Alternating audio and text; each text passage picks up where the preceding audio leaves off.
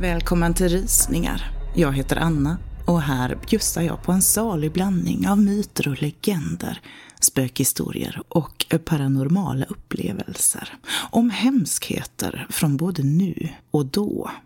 Den här första säsongen av Rysningar som podd där har jag valt att omarbeta lite gamla avsnitt från Rysningars Youtube-kanal. Och när det här avsnittet kommer ut så är det väldigt nära Lucia. Så varför inte snöa in lite på Lucia-legenden? Ja, för legenden om den heliga Lucia finns. Hon ska ha levt mellan år 286 och 304 i Syrakusa på Sicilien. Lucia-legenden härstammar troligen från 400-talet. Även om detaljerna inte är så pålitliga kanske så finns det inget tvivel om att hon bär en stor ära i den tidiga kristna kyrkan. Hon led martyrdöden, bara 18 år gammal, under den romerska kejsarens förföljelse av kristna. Kristna böcker skulle brännas, kyrkor skulle rivas och kristna ledare avrättas. Den heliga Lucia är en av de katolska kyrkans högst ärade kvinnliga martyrer. Hon är ett skyddshelgon för framförallt synskadade och blinda, men även för sjuka barn, bönder och för många andra yrkesroller.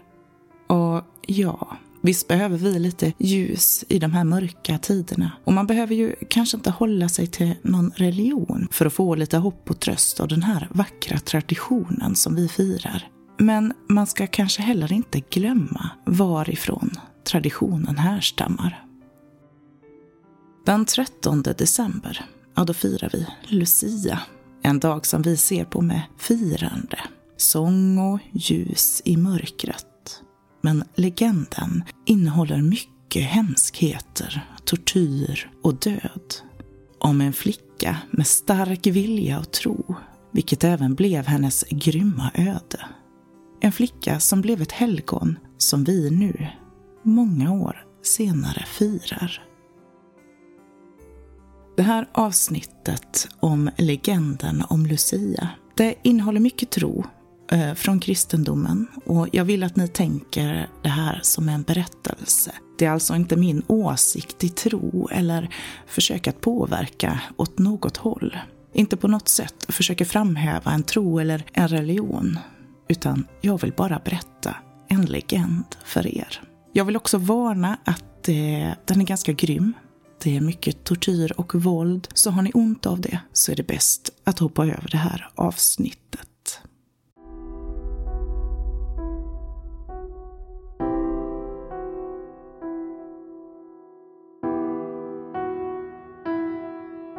Sedan jag var en liten flicka, kanske någon gång efter min fars bortgång, ja då har jag vetat vad jag vill göra av mitt liv.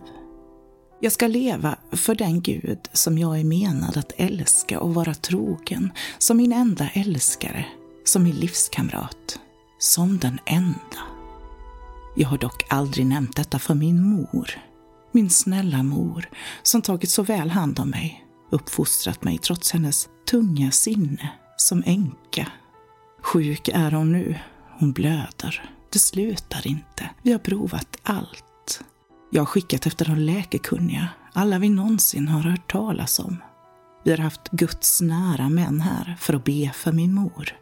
Men blodet slutar inte att rinna. Och snart kommer min mors kropp att förtvina i brist på det blod som hon så väl behöver. Vi har rikedomar. Både min mor och min far kom från goda hem med gott om medel. Vi klarar oss gott. Så mycket mer har vi än vad vi någonsin kommer att behöva. Ofta har jag valt att skänka både mat och kläder till de hungriga och fattiga i stadens fattiga kvarter. Men just nu så behövs jag här hemma. Väl medveten om att pengar inte kan rädda min mor. Bara Gud kan.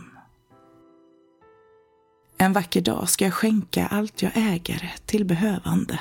Jag ska med min jungfrulighet ta mig till ett kloster och leva fromt tills den dag Gud kallar mig till honom. Men vi måste vara försiktiga. I vår stad Syrakusa här på Sicilien är vår kejsare grym. Han låter oss kristna gå en fruktansvärd död till mötes om vi upptäcks som kristna. Vi är förföljda, vi är hatade, vi upplevs troligen som ett hot. Något jag inte förstår, för vad är väl mer fromt än det barn av den Gud som jag älskar? Men vår kejsare, han vill utrota oss. Om vi upptäcks som kristna kommer vi utan tvivel att avrättas. Därför måste vi dölja vår tro offentligt just nu. Jag hoppas och tror att en vacker dag ska världen omvändas och vår tro ska bli den enda stora. Nåväl, jag har suttit vid min mors sida i många dagar, sett henne bli svagare för varje stund. Men så i en dröm kom det till mig att jag skulle föra min mor till Catania, till graven till den heliga jungfrun och martyren Agata. Kanske kunde detta rädda min mor. Jo, i ett sista desperat försöker vi resa dit. Under resan dit talar min mor och jag om de händelser som skett bara ett år tidigare. Hur en ung man som bett om min hand inte kunnat ta ett nej. Hur han hela tiden talat om mina vackra ögon och hur han ville gifta sig med mig. Eftersom jag hade bestämt att leva mitt liv med Gud så fanns det inte en tanke på att acceptera att bli hans fru. Till slut blev jag så trött på honom att jag tänkte att om han får mina vackra ögon så kanske han reser härifrån. Jag valde därför att tillkalla vår familjs läkekunniga vän för att hjälpa mig avlägsna mina ögon. I smärtan som följde höll jag på att förlora förståndet. Svag och sjuk blev jag.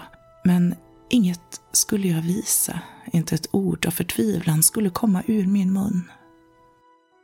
Mina ögon, de la jag på ett fat och jag lät dem skickas till den unge friaren som jag sedan inte hört ett ord ifrån.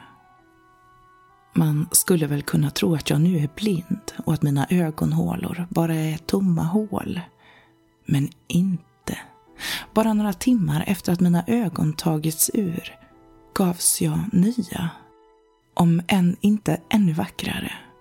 Och nu kunde jag se ännu klarare hur min tro var den rätta för mig. Trots de eviga hoten, förföljelsen och rädslan. Jag gavs nya ögon från Gud och min tro växte sig om möjligt ännu starkare. Min tillgivenhet växte och nu finns det inga tvivel om hur jag istället för att gifta mig ska bli nunna.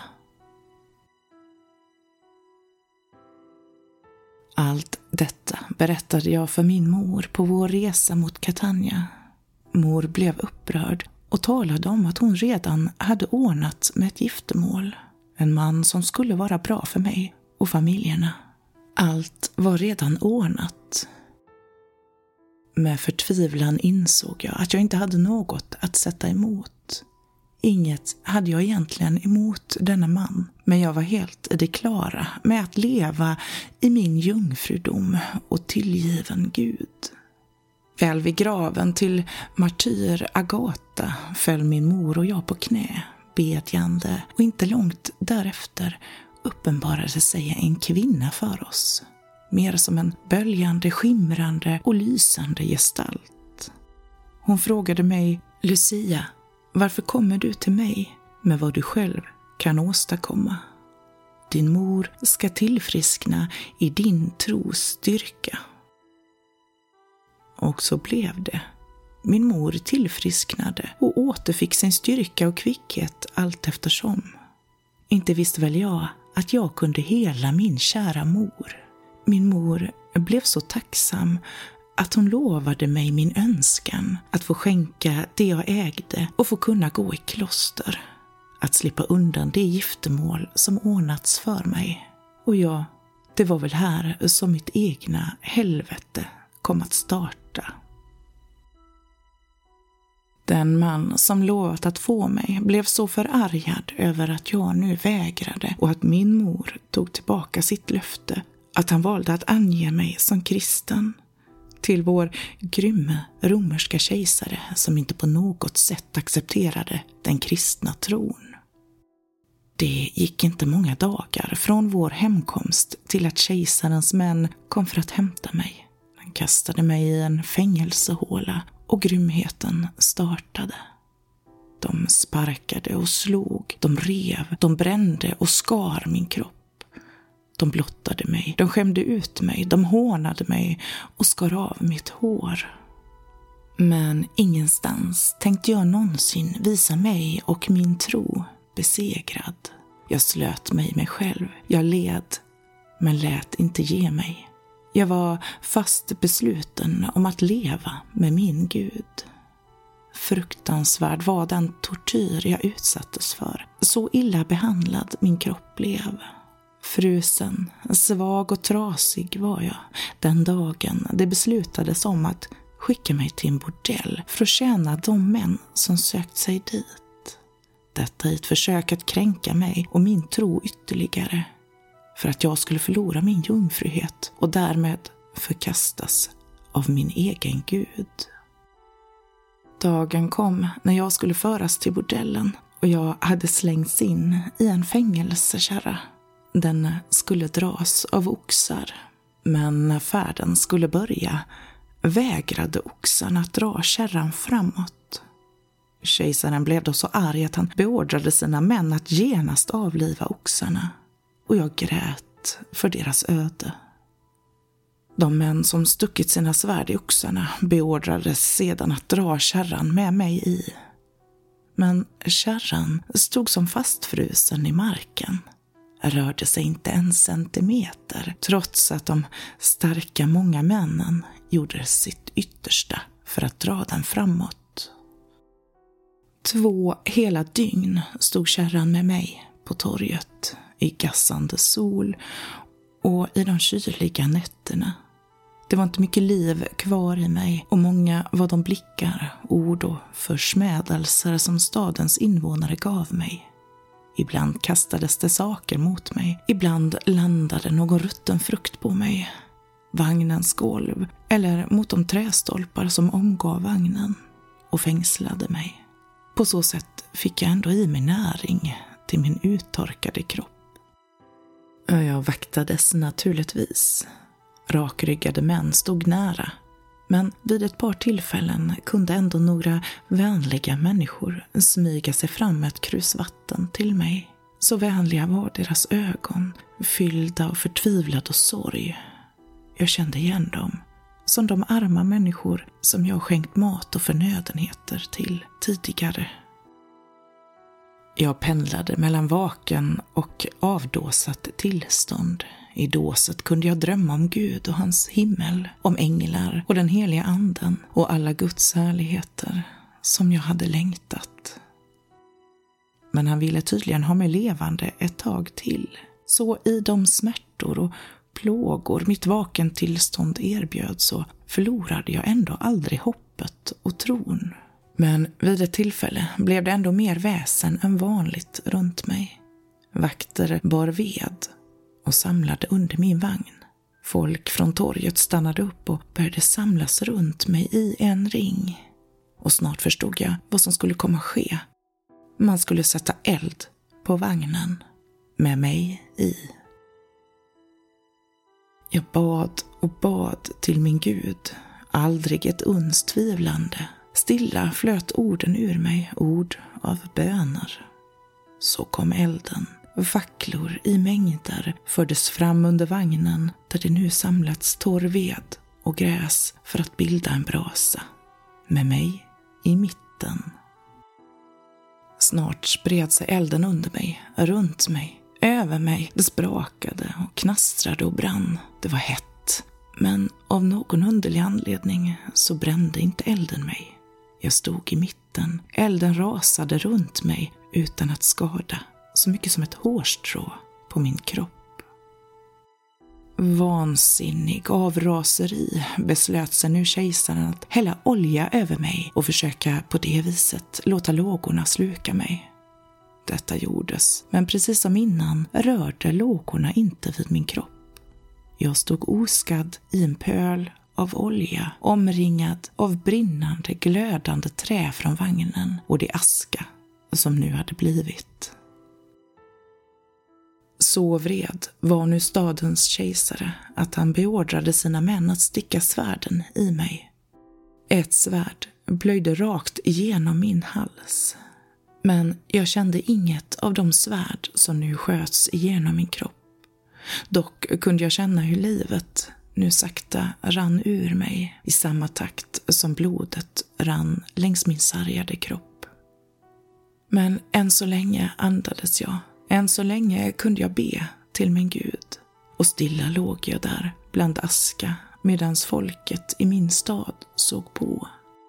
Jag lämnades att dö där. Till slut vandrade folk iväg Även vakterna lämnade mig när de såg att jag inte orkade röra min kropp mer än att andas rosslande. Mina ögon var stängda, men min mun formade orden i de böner som jag sjöng inombords. Så ensam i natten låg jag där tills en man kom smygande fram till mig, en kristen präst, kom för att ge mig sista smörjelsen och när det var gjort kunde jag ta mitt sista andetag. Färdig på denna jord. Ja, jag kanske inte hann att bli något levande helgon på mina få levnadsår. Men i många, många hundratals år har jag fått vara ett helgon och skänka tröst och styrka till många. På något sätt skänker jag fortfarande hopp i dystra tider och ljus i mörkret.